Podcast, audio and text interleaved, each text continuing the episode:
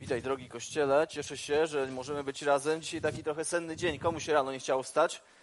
O, ale wstaliście. No, dzięki Panu Bogu, że wstaliście i że jesteśmy, bo Bóg przygotował jakąś porcję swojego słowa dla nas, więc mam nadzieję, że nie zaśniemy, ale bardziej się obudzimy i będziemy brać z tego, co Bóg chce dla naszego życia. Jesteśmy w cyklu Lukaza, jeśli e, ktoś jest z nami być może po raz pierwszy, bądź nie pamiętasz, od nowa fundamentów i mówiliśmy o przebaczeniu, o kluczu do wolności, że przebaczenie jest kluczem do wolności. Mówiliśmy e, też o tym dwa tygodnie temu, że mm, pewne dziedzictwo może być e, różnych rzeczy związanych z naszą przeszłością, dziedzictwo grzechów, dziedzictwo tego, co niesiemy dobrego, ale też co złego i że Bóg chce nas uwolnić od tego, chce nas uzdrowić od tego. A tydzień temu mówiliśmy o czym?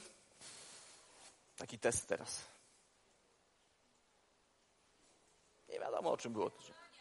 O przekonaniach, tak, o fałszywych przekonaniach, że niektóre rzeczy wierzymy, nie wiemy za bardzo dlaczego, z jakiego powodu, ale wierzymy w nie, więc warto sprawdzić, dlaczego w coś wierzę, bądź dlaczego w coś nie wierzę i skonfrontować to z Bożym Słowem, e, a wierzę, że Bóg mówi do nas, chce mówić, bylebyśmy my się nastroili na to, co On chce do nas powiedzieć.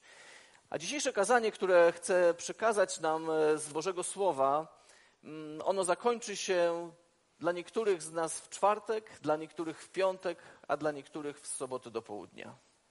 Pewnie zastanawiacie się dlaczego. Nie, Pan Jezus jeszcze wtedy nie powróci, chociaż kto wie, nie wiadomo kiedy powróci, przyjdzie jak złodziej w nocy, mówi pismo. Ale będziemy mieli gościa specjalnego, który to, co dzisiaj, to, o czym dzisiaj będę mówił, dokończy w czwartek, w piątek, dla osób, które będą chciały tutaj być z nami wieczorem od 19 do 21. Już teraz o tym mówię, za moment powiem więcej.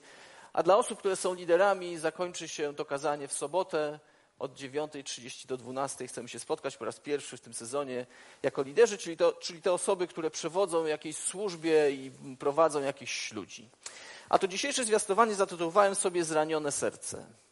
Bo myślę, i chyba się nie pomylę, rzadko używam tego słowa, ale chyba nie ma żadnej osoby tu na sali, ani z tamtej strony online, która nas ogląda, która chociaż raz w życiu nie byłaby w jakiś sposób zraniona. W jakiś sposób nie doświadczyła czy to odrzucenia, czy smutku, czy zawiodła się. Myślę, że każdy z nas w jakiś sposób tego doświadczył. A pamiętam kilka tygodni temu wracałem z kościoła rowerem, postanowiłem być ekologiczny, więc wracałem do domu rowerem i rozpędziłem się w rytm piosenki Wesołe jest życie staruszka. Ktoś pamięta taką piosenkę? Więc tak sobie jechałem, cieszyłem się, cieszyłem, ale już było dosyć e, ciemno.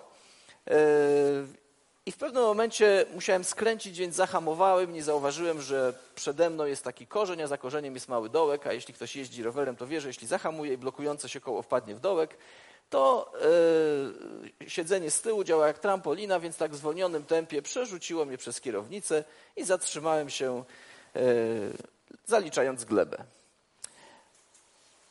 Część roweru uderzyła mi w łydkę i to było już dawno temu, no kilka tygodni. Ale nie było widać żadnego śladu na mojej nodze, moja żona była świadkiem, ale wewnątrz mojej nogi był bolesny siniak, który wymagało to trochę czasu, żeby on po pierwsze przestał boleć, a drugie, żeby zszedł, czy zniknął, czy został wchłonięty. I myślę, że takie sytuacje dzieją się w naszym wewnętrznym życiu. Czasami jesteśmy poturbowani, czasami coś albo ktoś częściej nas uderzy w jakiś sposób w emocjach, czy naszego wewnętrznego człowieka, czy to w naszej duszy, czy w naszym duchu.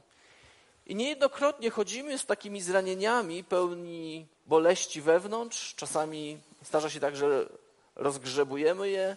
Jeśli ktoś kiedyś miał z Was w życiu strupa, to ile razy to czy zdarzyło ci się, że jak był, to chciało ci się go zdrapać, żeby już zniknął, bo swędziało i znowu rozdrapywałeś i znowu się goiło i tak dalej. Ktoś, myślę, że mamy takie doświadczenia. I jeśli to byśmy przenieśli na nasze życie duchowe, to myślę, że wydarzyło się w naszym życiu coś, co spowodowało, że poczuliśmy się, czy byliśmy odrzuceni, nie byliśmy się w stanie całkowicie od tego uwolnić. A kiedy jesteśmy zranieni w duchu, w samym środku naszego środka, to uważam też, Lepiej tak? I mam zdjąć? I ręce mam mieć zajęte? Ojej. No nic, sezon od nowa. Tego w ogóle nie słychać. To, to nie ma znaczenia. Sezon, sezon od nowa, więc będę mówił w ten sposób. Chyba, chyba będę mówił. Słychać? Na live streamie na pewno, ale ja nie słyszę siebie, więc ja muszę też siebie słyszeć. Podgłoście mnie, podgłoście mnie. O, jestem, jestem. Może czas kończyć mówić. Więc zdarza się, że jesteśmy. To wam nie przeszkadza, że tu mam? Nie przeszkadza? Przeszkadza. Czekajcie, uwolnię się od tego. A może. A może w tym czasie nasze cudowne media naprawią. Ja tu położę na brzegu. Ale to jest cudowny postęp. Dziękuję, Adam, bo kiedyś pamiętam jednego kaznodzieję, nie będę mówił, to nasza historia taka w mediach, że on już miał mikrofon tutaj. Wszyscy myśleliście, kiedy on go zdejmie, kiedy mu go poprawią. Nikt tego nie zrobił, każdy się bał wejść na scenę, bo w tym świętym miejscu jeszcze mogłoby coś z nieba spaść go. Także dziękuję, że nie boimy się, ale jak coś nie działa, przychodzimy i zaczyna lepiej działać.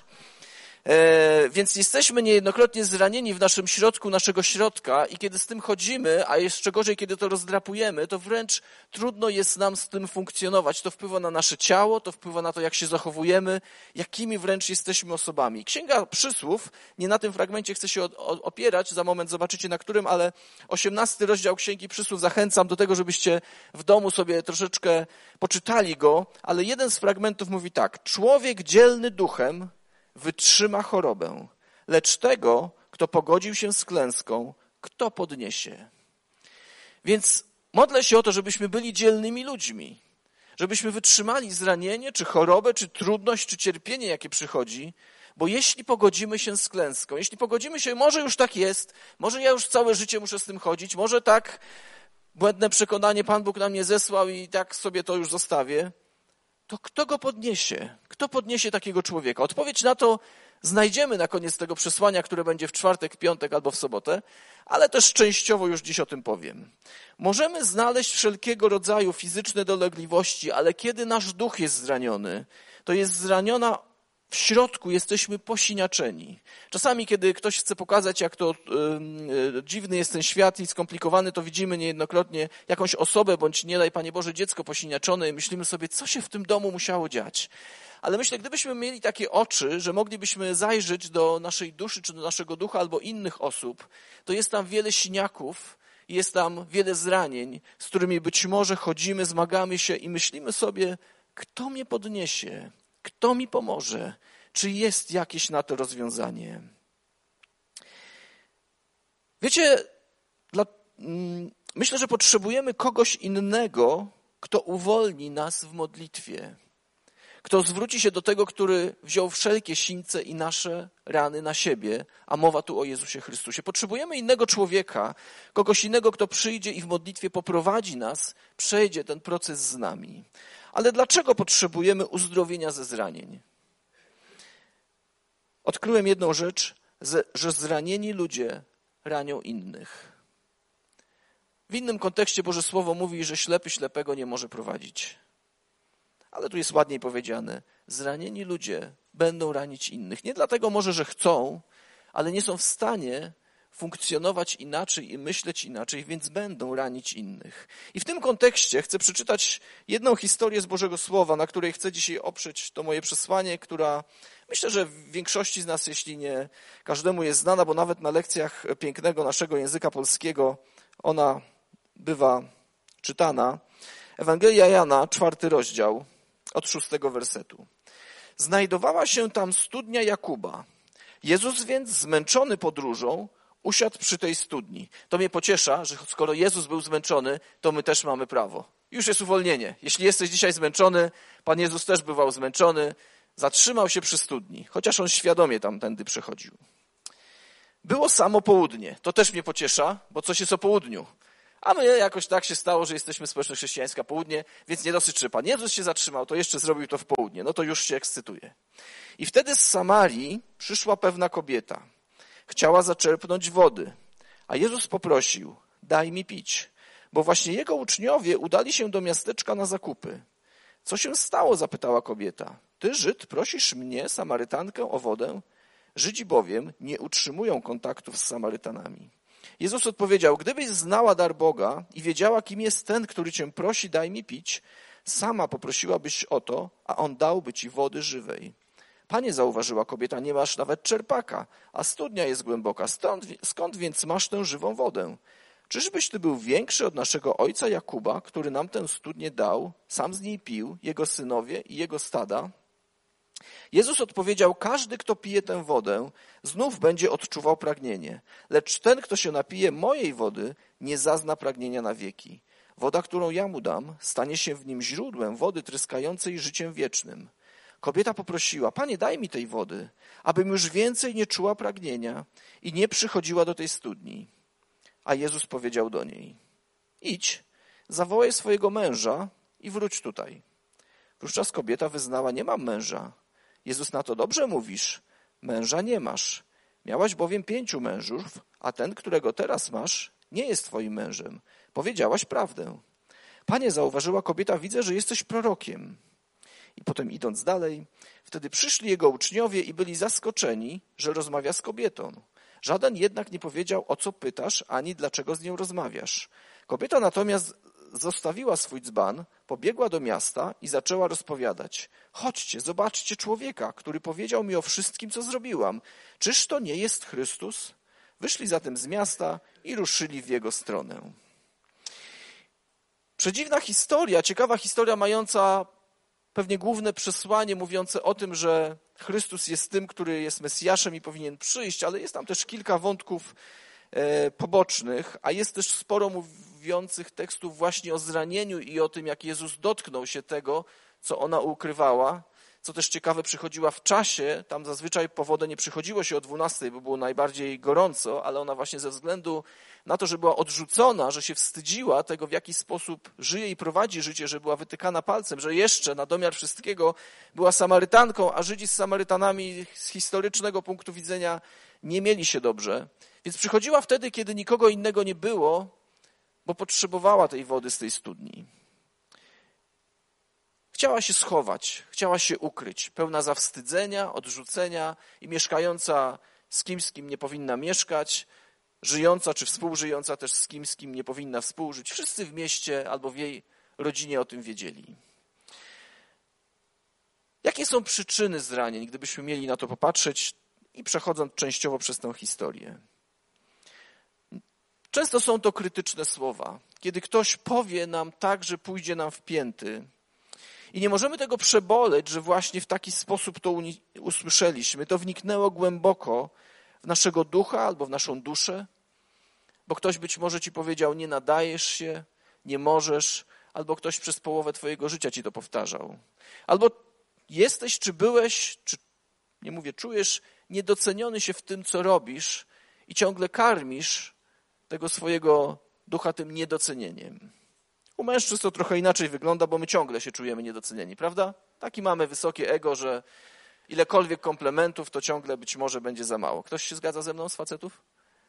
No, jeszcze paru, no niektórzy nawet już, różnie to bywa. Ale słowa rodzą śmierć lub życie. Z tej samej księgi przysłów, z tego samego rozdziału, czytamy takie słowa: Wargi głupca wywołują sprzeczkę, a jego usta wzywają do ciosów. Jeśli w głupi sposób powiemy coś do kogoś, to może to zranić na długie dni, miesiące bądź lata. Czasami słyszę o takich historiach, wiecie, ciche dni w małżeństwie to, kiedy to są dni albo godziny, w zależności od temperamentów, no to takie bywają, ale bywa tak, że ktoś miesiąc albo lata nie odzywa się do siebie mieszkając pod tym samym dachem. Jak głębokie musi być w środku zranienie, jak głębokie uwiązanie w czymś, że ja nie jestem w stanie wejść w relację z drugą osobą albo do niej wrócić. Drugą rzeczą, którą jest przyczyną zranień, kolejność nie ma tu znaczenia, więc nie o priorytety chodzi, jest grzech, czyli to, co Pan Bóg dla nas zaplanował, to, do czego nas stworzył i ukształtował, a my idziemy obok tego. Czasami z punktu widzenia ludzkiego dobre rzeczy, wydawać by się mogło, mogą być dla nas grzechem. Ponieważ grzech się wziął samo pojęcie złucznictwa i to oznacza nie trafić w tarczę, nie trafić w Boże powołanie, w Bożą wolę dla nas. Ta kobieta odpowiedziała: Nie mam męża. Powiedziała prawdę. Ale Jezus, widząc, że tam jest przyczyna tego, że ona nie może zaczerpnąć tej wody, która zgasi jej pragnienie, nie tej ze studni, dotyka tej rzeczy, dotyka tego grzechu. Bo grzech od początku jest przekleństwem ludzkości. Grzech to wszystko, co stanie pomiędzy nami a Bogiem i jest przeszkodą, żebyśmy z tym Bogiem, z Jezusem Chrystusem tę relację mogli budować. Dawid w jednym z psalmów mówi takie słowa: Twoje strzały przebiły mnie i Twoja ręka opadła na mnie. Nie ma zdrowia w moim ciele, moje kości nie są zdrowe z powodu mojego grzechu. Poczucie winy przytłoczyło mnie jak ciężar zbyt ciężki do zniesienia. Moje rany ropieją i są odrażające z powodu mojej grzesznej głupoty. Ma na tyle pokory, że przyznaje się, że to z powodu jego własnej głupoty żyje w grzechu, a to powoduje, że to przeszywa jego kości, jego duszę, jego ducha. Dawid cierpiał z powodu swojej winy i świadomości grzechu. Czasami zmagamy się z tym obciążeniem. Myślisz sobie, jak jestem grzeszną osobą, mam takie powiedzenie, że niektóre grzechy wracają do nas jak bumerangi, uderzając za każdym razem mocniej, a szatan tylko czeka, żeby powiedzieć: A widzisz? Znowu ci się nie udało. A widzisz? Znowu upadłeś. Ale łaska Chrystusa, Jego przebaczenie, jeśli pokutujesz z tego, sięga dalej. Może uzdrowić i uleczyć, bo grzech nas rani, ale kiedy usuwamy grzech z naszego życia poprzez autentyczną pokutę, nasz duch zostaje uwolniony i uzdrowiony. I to powinno być radosną nowiną w tym pochmurnym dniu. Amen? Kiedy pokutujemy, marzę o takim kościele albo o takich relacjach, bo kościół to ja również, że kiedy będziemy tutaj przychodzić, to Boża obecność podczas uwielbienia, podczas witania, potem w kawiarni będzie taka, że będziemy chcieli zostawić to, co nieczyste, na rzecz tego, co święte. Święte to nie oznacza świętoszkowate, że ja się pięknie ubiorę i zewnętrznie wyglądam, wow, jak fantastycznie wygląda, jak fituje wszystko i tak dalej, ale wewnątrz jest ktoś posiniaczony, zraniony i posiniaczony. Bo czasami Chcemy ukryć to, co wewnętrzne, czymś, co zewnętrzne. Nie mam nic przeciwko temu, żebyśmy pięknie wyglądali. Wyglądacie pięknie. Ale czasami chcemy przykryć.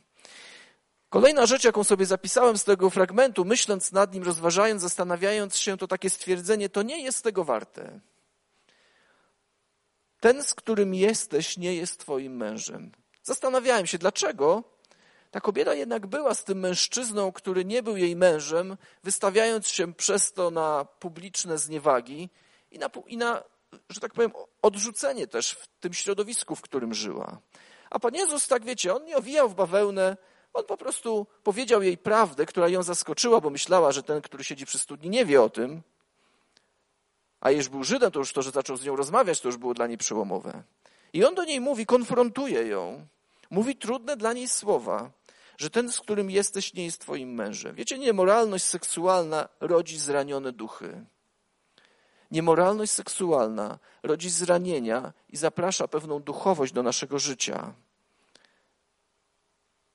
Może więcej ludzi zostaje rannych w tej dziedzinie międzyludzkiej niż gdziekolwiek indziej, niż w jakiejkolwiek innej. Ale myślę też, że z tego powodu że Biblia oddziela grzechy seksualne od wszystkich innych, nie to, że one są trudniejsze czy gorsze, nie w tym kontekście, bo każdy nas oddziela od Pana Boga.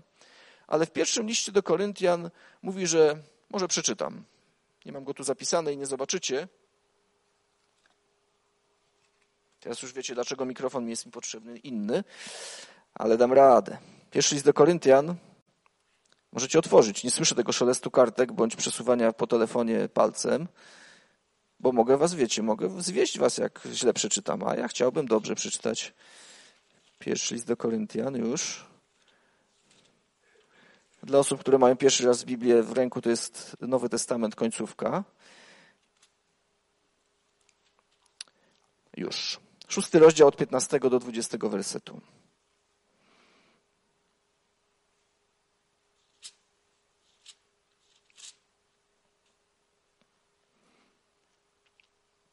Okazujemy się też. Momencik, czy ja. A, przepraszam. Ja źle sobie otworzyłem, coś mi się nie zgadzało. Czujecie to napięcie? Ja już się trochę stresuję. Mam. Czy nie wiecie, że wasze ciała są członkami Chrystusa? Czy więc mam brać członki Chrystusa i czynić je członkami prostytutki? W żadnym razie, bo czy nie wiecie, że kto się łączy z prostytutką, staje się z nim jednym ciałem? Będą bowiem, jak czytamy, ci dwoje jednym ciałem. Kto natomiast połączył się z Panem, jest z nim jednym duchem. Uciekajcie przed nierządem. Każdy grzech, który człowiek się dopuszcza, ma miejsce jakby poza jego ciałem. Kto jednak dopuszcza się nierządu, grzeszy względem własnego ciała. Czy nie wiecie, że wasze ciało jest przybytkiem Ducha Świętego, który jest z was i którego macie od Boga, oraz że już nie należycie do siebie samych, gdyż za ogromną cenę zostaliście kupieni? Chwalcie zatem Boga w waszym ciele. Niemoralność seksualna czy z naszego wyboru, czy bez naszego wyboru, bo możemy być skrzywdzeni, zranieni, czy wykorzystani niezależnie od tego, że tego chcieliśmy i potem ponosimy niestety konsekwencje przez wiele lat w naszym życiu. Niemoralność seksualna wpływa na każdą część naszej istoty, na duchową, na fizyczną, na emocjonalną, na nasze sumienie, na naszą mentalność. Ale patrząc na, tej, na tę kobietę, Jezus był w stanie ją skonfrontować w taki sposób, że ona nie odeszła obrażona, że ona nie odeszła zraniona, ale ona odeszła w zupełnie inny sposób i do tego za moment dojdziemy. Chcę tylko powiedzieć, że uciekajmy od niemoralności związanej z seksualnością, bo w ten sposób otwieramy drzwi dla rzeczywistości duchowej, w której potem będziemy potrzebowali nie tylko uwolnienia fizycznego czy duszewnego, ale także uwolnienia duchowego w tej dziedzinie. Biblia też mówi trudne słowa, znowu ta Księga Przysłów, szósty rozdział. Temu jednak, kto cudzołoży brak rozumu, niech to robi, jeśli szuka swojej zgubi, zguby. Dorobi się sińców i niesławy, a swej hańby już nie wymarzy. Zazdrość podsyci gniew męża, nie będzie pobłażał w dniu zemsty, nie przejedna go żaden okup, nic nie zechce, nic nie zechce, choćbyś mnożył prezenty. Wiecie, to taki obrazek chyba z rzeczywistości, w jakiej żyjemy, że jeśli mężczyzna seksualnie bądź kobieta seksualnie zgrzeszy przeciwko swojemu współmałżonkowi, to potem chce kupić jakiś prezent, żeby zadośćuczynić. Myślicie, że tak jest? Albo chce coś zrobić. A tu jest napisane, że nic nie zechce, choćbyś mnożył czy mnożyła prezenty. Ale ciekawe jest też to, że dorobi się sińców i niesławy. I pamiętajcie, wciąż mówię w kontekście, ten fragment przeczytamy na koniec, że Jezus Chrystus na krzyżu wziął wszelkie zranienia, wszelkie sińce. Więc nie czuj się dzisiaj, jeśli czy nie, e, e, jeśli ktoś z nas czuje się dziś oskarżony, to nie o to chodzi, żebym ja cię dzisiaj czy Boże Słowo oskarżało. Chodzi o to, żebyś zrozumiał czy zrozumiała, żebyś z tego pokutował czy pokutowała, a Chrystus wziął to już na krzyż. On już to przebaczył. Dawid złapał zranionego ducha w wyniku cudzołóstwa z Batrzebą. Jakie były tego konsekwencje? Stracił więź z Bogiem z powodu cudzołóstwa i zapłacił wysoką duchową cenę fizyczną i duchową za to. Jego rodzina została zniszczona przez niemoralność, a syn Dawida Amon zgwałcił córkę Dawida Tamar, przyrodnią jego siostrę, co doprowadziło do morderstwa. Więc to jest tragedia różnych powiązanych wydarzeń. I wciąż stawiam pytanie zawsze sobie, jeśli w tej dziedzinie przyjdzie mi coś do głowy i postaw ty sobie w tej dziedzinie. dziedzinie. Czy to jest tego warte? Czy niemoralność w kontekście seksualności, czy jest tego warta? Tej przyjemności, tej relacji, tego, że potrzebuję, tego, że nie chcę być sam, czy nie chcę być samotny, to nie jesteś, bo Pan Bóg patrzy na Twoje życie. I potem przychodzi złodziej radości. Wiecie, że mamy złodzieja radości? Myślisz sobie, a mogą mi ukraść różne rzeczy, zamykam dom, mogą mi ukraść telefon, e, słuchawki, e, gitarę, różne rzeczy, ale kiedy ktoś ukradnie ci radość, to nie ma takiego sklepu, do którego możesz pójść i powiedzieć, odkupię sobie. A Ewangelia Jana mówi, złodziej przychodzi tylko po to, by kraść, zarzynać i niszczyć. Jana 10:10. 10. A ja przyszedłem, Pan Jezus mówi, aby owce miały życie i to życie w całej pełni.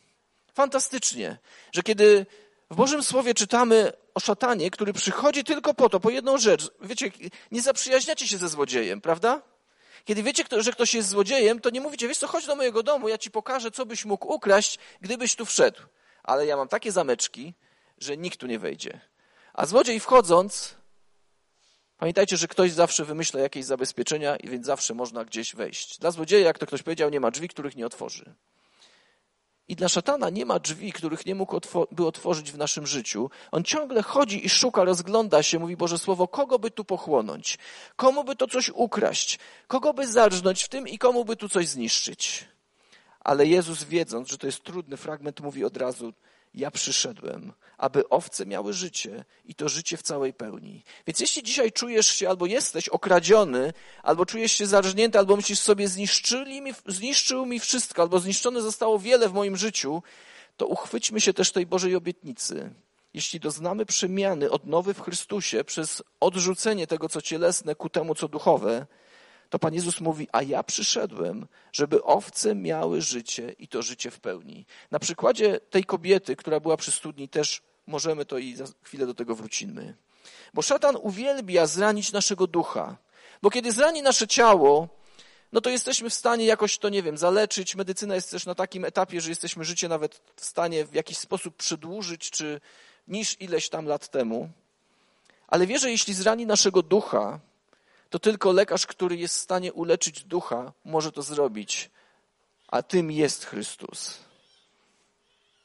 Zraniony duch pochwala, nigdy nas nie podnosi. I szatan o tym wie, że jeśli powali naszego ducha, to strasznie trudno będzie nam się podnieść. Kobieta przy studni została odnowiona na tyle, że wróciła do miasta i udostępniła to, czego doświadczyła. Tak myślę sobie, wtedy też można było coś udostępnić w kontekście tam poprzedniego tygodnia. Dzisiaj możemy na takim czy innym portalu udostępnić różne rzeczy, pokazać, kliknąć, żeby ktoś zobaczył, że Chrystus odnowił czy przemienił czyjeś życie. Wiecie, ona odeszła bez tego, po co przyszła. Ona przyszła po wodę, jeśli byśmy e, dobrze się wczytali w ten tekst, jeśli pamiętacie, ona zostawiła dzbany z wodą i pobiegła do miasta, żeby do miasta, w którym każdy ją znał. Wróciła i powiedziała, że spotkała tego, który powiedział jej prawdę, albo spotkała tego, który jest prawdą. Wiecie, kiedy Bóg przychodzi do Twojego życia, uwalnia nas, czy uzdrawia ze zranień, uwalnia nas z tego, co nosiliśmy, co jest dla nas ciężarem, uwalnia nas od odrzucenia od innych bądź od jakiejś grupy społecznej, to myślę sobie, że dostajemy takiego strzała, taką petardą jesteśmy, że idziemy i po prostu wszystkim o tym chcemy mówić, niezależnie od tego, co oni sobie pomyślą. To sam Bóg dotknął mojego życia. Czy ty to rozumiesz? I my myślimy, no coś z tym człowiekiem nie tak. Może, może mu przejdzie. Może się uspokoi. Może dopiero co się nawrócił, z pięć lat pożyje, to się znormalizuje. O, żeby się nigdy nie znormalizował. Oczywiście nie mówię, żeby machać rękami i bić pianę, bo to też nie o to chodzi, w zależności od osobowości, ale ta kobieta przy studni została odnowiona na tyle, że już cały wstyd został z niej zniesiony. Ona miała świadomość, wróciła do tego samego domu, gdzie był ten jej mąż, nie mąż. Nie wiadomo, czy się spakował i musiał przejść gdzieś indziej. Tego nie czytamy o tym, ale myślę, że kiedy Bóg zmienia nasze wnętrze, to chcemy się tym podzielić z innymi. Inną ta kobieta była też odrzucona, bo odrzucenie często towarzyszy nam niestety w naszym życiu. Myślę, że też mamy wysokie oczekiwania co do przywódców w różnych dziedzinach tych przywódców naszego życia. Czy to jest przywódca w postaci naszego pracodawcy, czy to jest przywódca w postaci e, pastora, czy księdza, czy to jest przywódca w postaci e, kogoś, kto jest nauczycielem naszych dzieci, czy naszym nauczycielem, czy wykładowcą, to mamy wysokie oczekiwania. I kiedy nas zawiodą, a chcę Wam powiedzieć, że zawiodą bądź mogą zawieść w różnych dziedzinach, albo nas odrzucą lub przeoczą po prostu coś, łatwo się nam będzie zniechęcić i to nas może zranić. Czasami ma, mam. Yy, każdy, kto jest liderem, to nie tylko ja mam, ale każdy, kto jest liderem, myślimy sobie, no chciałbym e, jakoś w danej służbie, załóżmy, że niech to będzie służba dziecięca, bo dzieci teraz mają, więc nie ma tych osób. Chcielibyśmy e, w jakiś sposób podziękować nauczycielom. Wiecie, zawsze to jest dylemat, bo jeśli podziękujesz 38, a zapomnisz z jakiegoś powodu przeoczysz 39, to ta osoba najprawdopodobniej przez kolejny sezon być może nie będzie już nauczycielem. Prawda, że tak jest? Jeśli powiesz, że dziękuję całemu kościołowi dziecięcemu, to każdy z was będzie kto w nim służy, będzie wiedział, że jest podziękowany. Ale jeśli zacznę wymieniać imionami, a przez przypadek kogoś, nie ja oczywiście, bo ja to zapamiętam, ale lider tej służby by przeoczył, oj, to wtedy czujemy się zranieni. A takie sytuacje mogą nam się pojawiać na co dzień. W szkole, kiedy jesteś, odpowiesz, czy udzielisz odpowiedzi, ale nauczyciel nie doceni tego tak, jak ty się uczyłeś, i już jest zranienie w jakiś tam sposób albo odrzucenie. Różnie to przeżywamy, różną mamy wrażliwość, różnie odbieramy słowa, ale złamane obietnice prowadzą do złamanych serc i zranionych duchów. Jeśli złamiemy obietnicę, którą daliśmy, to to zrani serce tego człowieka, bądź nasze serce, jeśli taką otrzymaliśmy, i zranienie będziemy przeżywać też w duchu. Zawsze mnie to, często mnie to, może nie zawsze, często mnie to konfrontuje, bo myślę sobie, ile czasami obietnic Panu Bogu wysłałem, a potem się musiałem wstydzić, mówię, ojejku. A już najprostszą jest obietnicą tego, proszę nie róbmy. Ktoś ci tam mówi coś ważnego i ty takim sloganem chrześcijańskim mówisz, pomodlę się o ciebie. I idziesz i w momencie, kiedy odszedłeś, już zapomniałeś, co powiedziałeś i się nie pomodliłeś. I potem naraz Duch Święty ci przypomina, halo, halo, jakieś zobowiązanie masz co do tej osoby, to już lepiej nic nie mów, niż masz pacnąć i dać komuś nie tyle nadzieję, co obietnicę, a tak naprawdę tego nie robisz. Nie rzucajmy słów, nie powiem, że na wiatr, ale nie rzucajmy słów, jeśli nie jesteśmy w stanie ich wypełnić. To już lepiej milczeć. Bóg honoruje milczenie. Lepiej czasami milczeć. A niektórzy zostali zranieni, bo chcieli być posłuszni Panu, zaczęli używać darów różnych, może czasami nawet w nieumiejętny sposób, bo jeszcze nie wiedzieli, jak ich używać ale usłyszeli, czy zostali upomnieni lub ścięci, i te rany są trudne do wyleczenia. Ponieważ Duch Święty zaczął przez ciebie działać, zacząłeś czy zaczęłaś tego używać. Zawsze polecam, żeby pójść do przywódców bądź twojego lidera i się zapytać: Słuchaj, mam od Ducha Świętego coś takiego, jak tego używać, jak to zrobić? Jak to zrobić, żeby Kościół był pobłogosławiony, żeby nie był zraniony i żebym ja nie był zraniony? To jest zawsze dobra metoda pytać. Dobrą metodą jest, wczoraj nawet z kimś rozmawialiśmy, dobrą metodą jest pytać Pana Boga, jeśli czegoś nie wiemy, prawda? Wiecie, my czasami z systemu szkolnego niestety, że jak już się zapytasz nauczyciela, to już się wychyliłeś, oj, to już niedobrze, bo nie wiesz, a jak nie wiesz, to niedobrze. Nie, nie, nie. To w szkole tak nie powinno działać, a tym bardziej przy Panu Bogu nie powinno tak działać. Bóg jest dobrym ojcem, śpiewaliśmy o tym. Jeśli go zapytamy, to on chce nam odpowiedzieć. Innych, innym, powodem, innym powodem zranienia jest zdrada. W różnych dziedzinach zdrada. I Dawid znał siłę i rany zdrady i bronił się przed nią, jak było to tylko możliwe. A Jezus też ostrzegł, mówiąc w Ewangelii Mateusza, wielu zgorszy się i nawzajem się wydadzą. Jezus doznał zdrady. Ci najbliżsi odwrócili się od niego. Kiedy zapytano przy ognisku, jeśli pamiętacie, było kilku uczniów i zapytano się, przecież byliście z nim, to oni się go wyparli, zdradzili, odrzucili.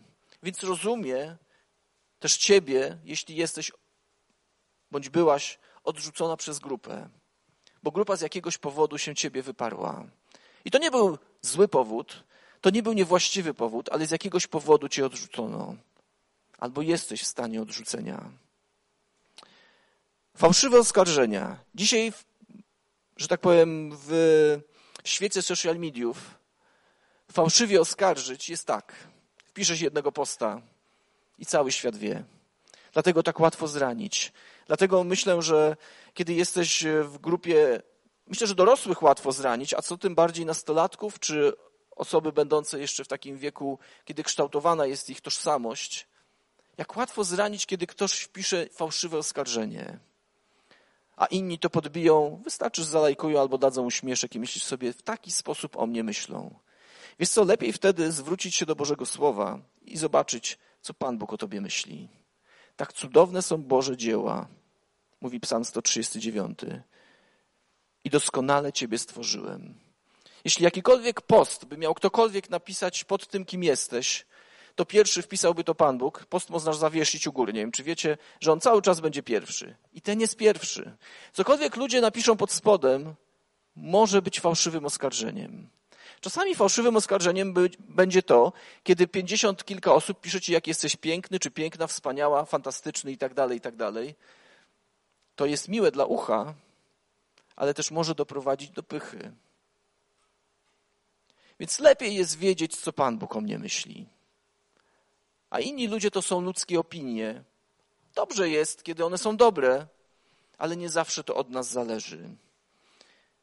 Opinia Jezusa o tej kobiecie była po prostu prawdą. Ona przyszła do niego, nawet mu wytknęła jeden błąd, powiedziała: Hej, chłopaczku, jak ty chcesz wody nabrać, jak ty czerpaka nawet nie masz? Ona nie rozumiała, kogo spotkała. My czasami do Pana Boga mamy taki stosunek kumpelski, a pamiętajmy, że Bóg w Chrystusie i w Duchu Świętym wciąż jest królem.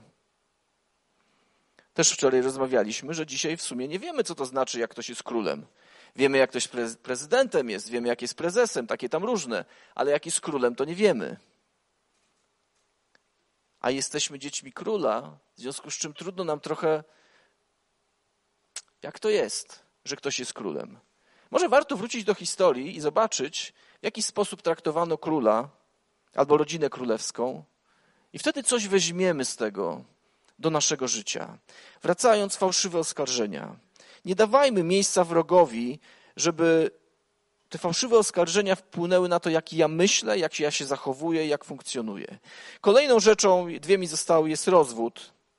Tu chyba nie muszę on zawsze jest grzechem. Jeśli chcecie zapytać mnie, jakie jest oficjalne stanowisko tego kościoła, tej lokalnej społeczności co do rozwodu, jest takie samo, jakie jest w Bożym Słowie. Każdy rozwód jest grzechem.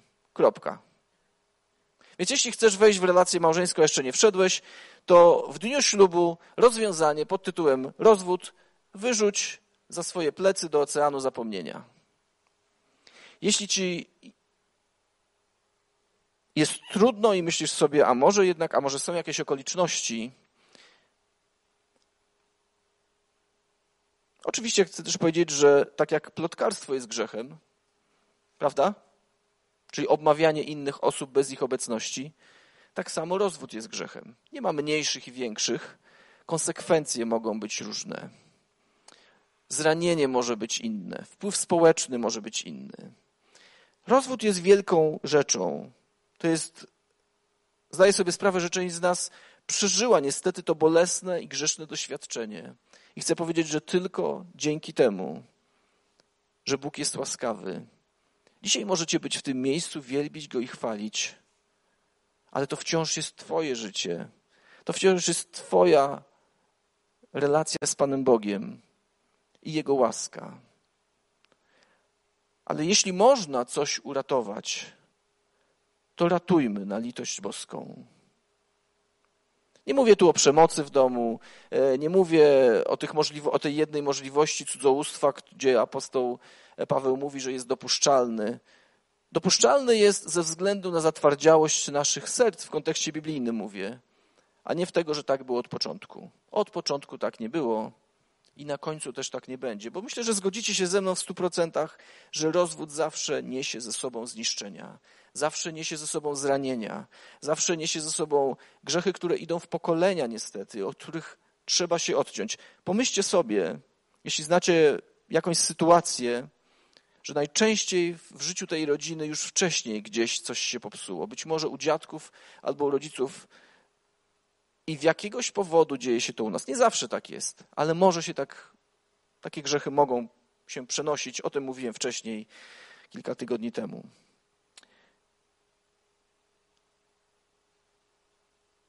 Relacje przerwane przez śmierć. Utrata bliskiej osoby, krewnego lub przyjaciela może być i jest pewnie druzgocącym ciosem. Oczywiście mamy wiarę w Pana Boga. Czasami nie wiemy, jak zachować się w takich sytuacjach. Czy coś powiedzieć, czy z kimś milczeć.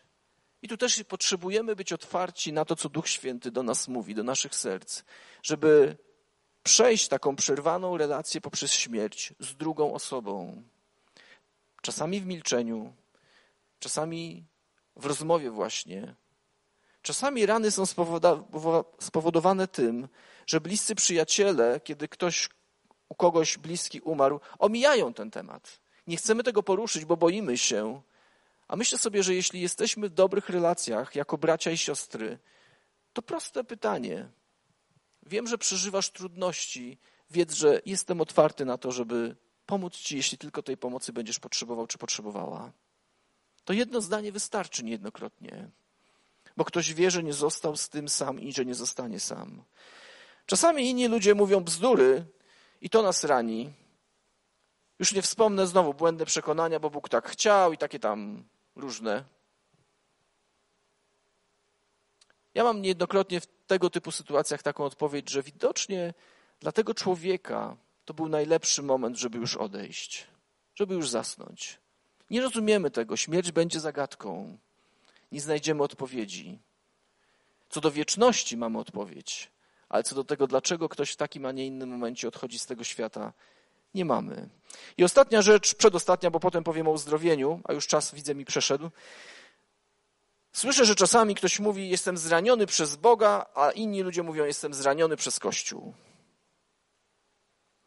Wiesz co, Dawid był zraniony przez Boga, tak? Tak, pierwsze 70 psalmów, około, połowa, on wyrzuca Panu Bogu, jak to jest mu niedobrze, jak to źle, jak to dlaczego na bezbożnych i na pobożnych to samo, a on jest Panu Bogu wierny.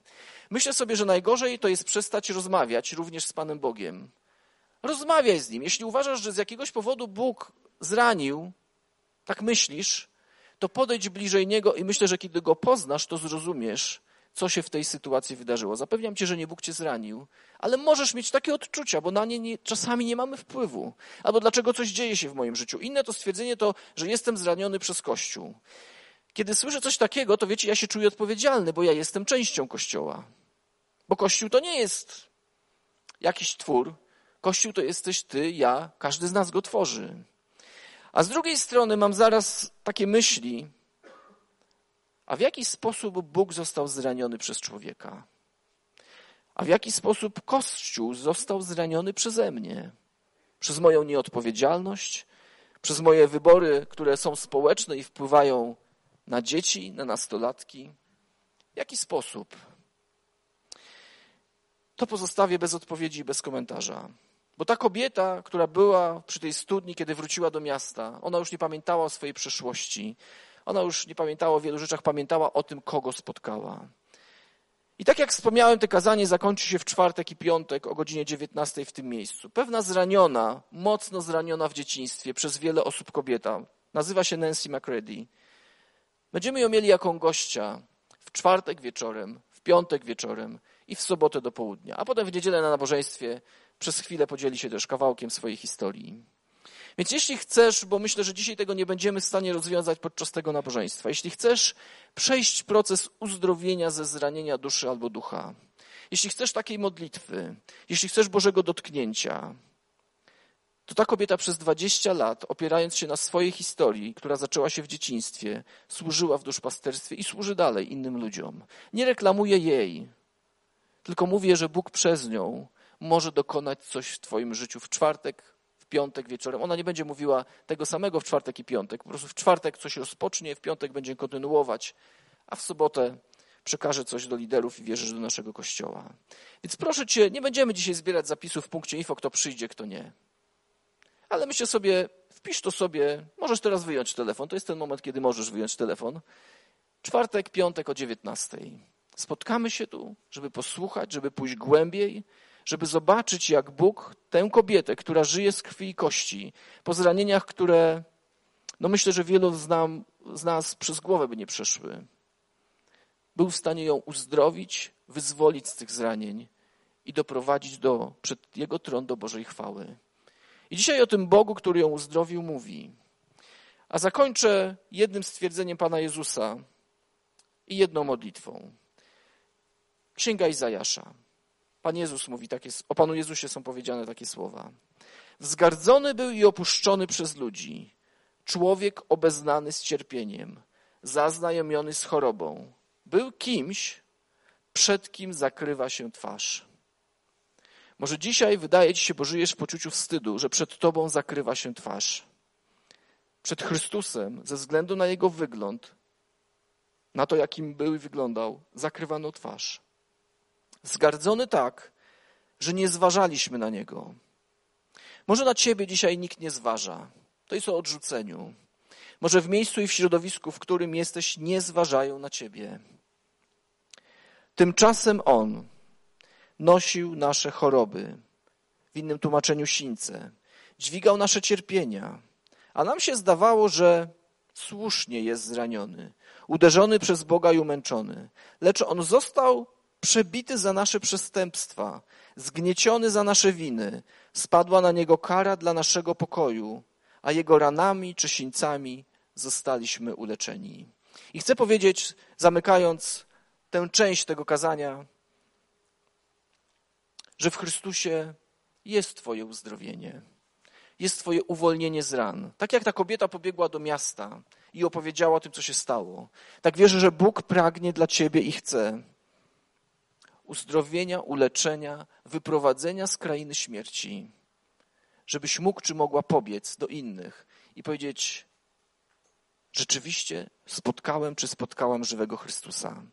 Wiecie, niektóre rzeczy muszą być powiedziane na głos naszymi słowami. Więc poproszę teraz o, jeśli jest, ta modlitwa, która jest na koniec. Ostatni slajd. Chciałbym, żebyśmy przeczytali to, albo inaczej, żebyśmy pomodlili się, jeśli tej modlitwy potrzebujesz. Bo wierzę, że słowa mają moc. Mogą nieść śmierć, bądź mogą nieść życie.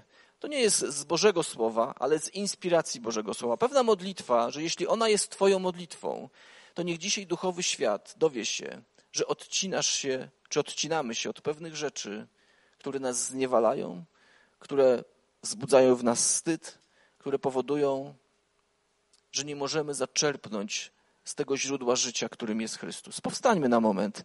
Wiecie, ja osobiście nie lubię czytać modlitw, ale to nie chodzi o to, co ja lubię, a czego ja nie lubię, tylko chodzi o to, czy Pan Bóg do tego się przyzna, jeśli wyznamy to szczerze w naszym sercu. Ja nie będę tego czytał przez mikrofon, ale rozpocznę. Jeśli chcesz dołączyć do tej modlitwy, wypowiadając ją głośno, to zapraszam Cię do Ciebie.